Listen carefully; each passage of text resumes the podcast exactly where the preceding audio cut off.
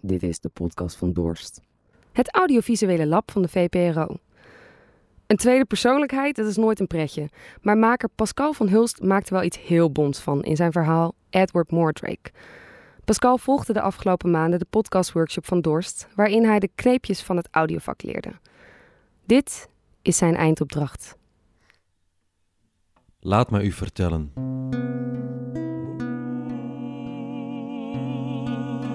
Ik vertel u over een van de vreemdste en meest melancholische verhalen van menselijke misvorming. Die van Edward Mordrake.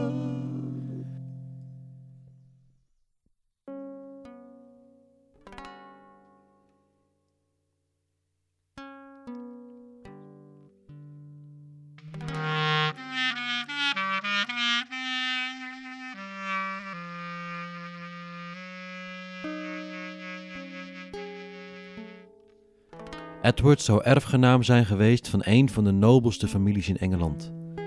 Hij sprak echter nooit over die titel en pleegde zelfmoord in zijn 23ste jaar.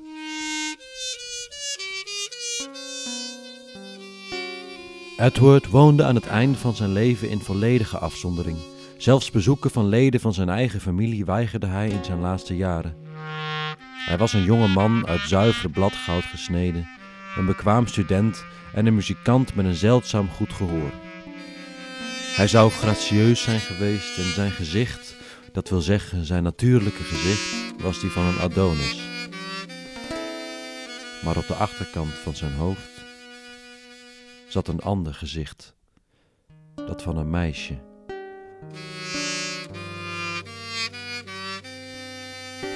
Zij bezette slechts een klein deel van het achterste van zijn schedel, maar vertoonde toch elk teken van intelligentie. Echter van een kwaadaardige soort. Zij zou lachend en spottend gezien zijn geweest, terwijl Mordrake huilde. Haar ogen zouden de bewegingen van toeschouwers volgen wanneer zij langsliepen, en haar lippen zouden mompelen zonder ophouden.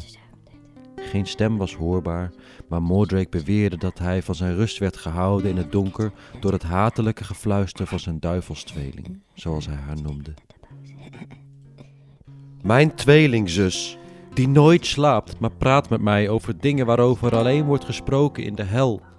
Er is geen inlevingsvermogen denkbaar die de verleidingen kan begrijpen die zij mij voorlegt.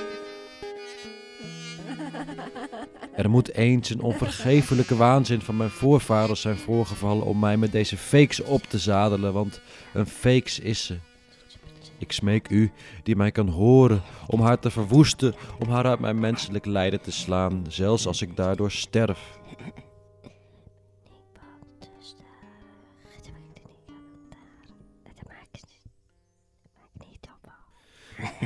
Dat waren de woorden van Mordrake tegen zijn chirurgen Manver en Treadwell. Maar zij hielpen hem niet. Ze konden het niet. Het zou de moord op Edward betekenen als hij van zijn zus gescheiden zou worden.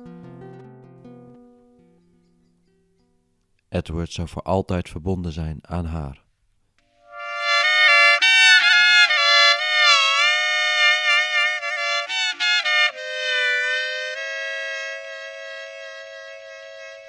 Tot de dag waarop Edward aan het oog van zijn chirurgen ontglipte. Hij maakte zich meester van een grote hoeveelheid gif en stierf ter plekke op zijn kamer in zijn landhuis.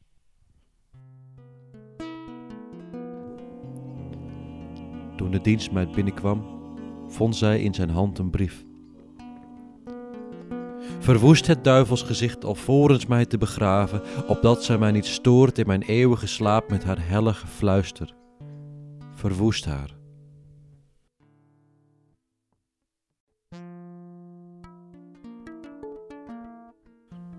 Op eigen verzoek is Edward uiteindelijk anoniem begraven. Geen steen of verhaal dat zijn graf markeert.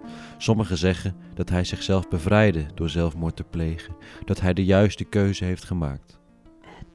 Maar ik zeg dat Edward nooit zelfmoord heeft gepleegd. Ik zeg dat zij hem tot moord heeft verleid en hem meesleurde naar de hel.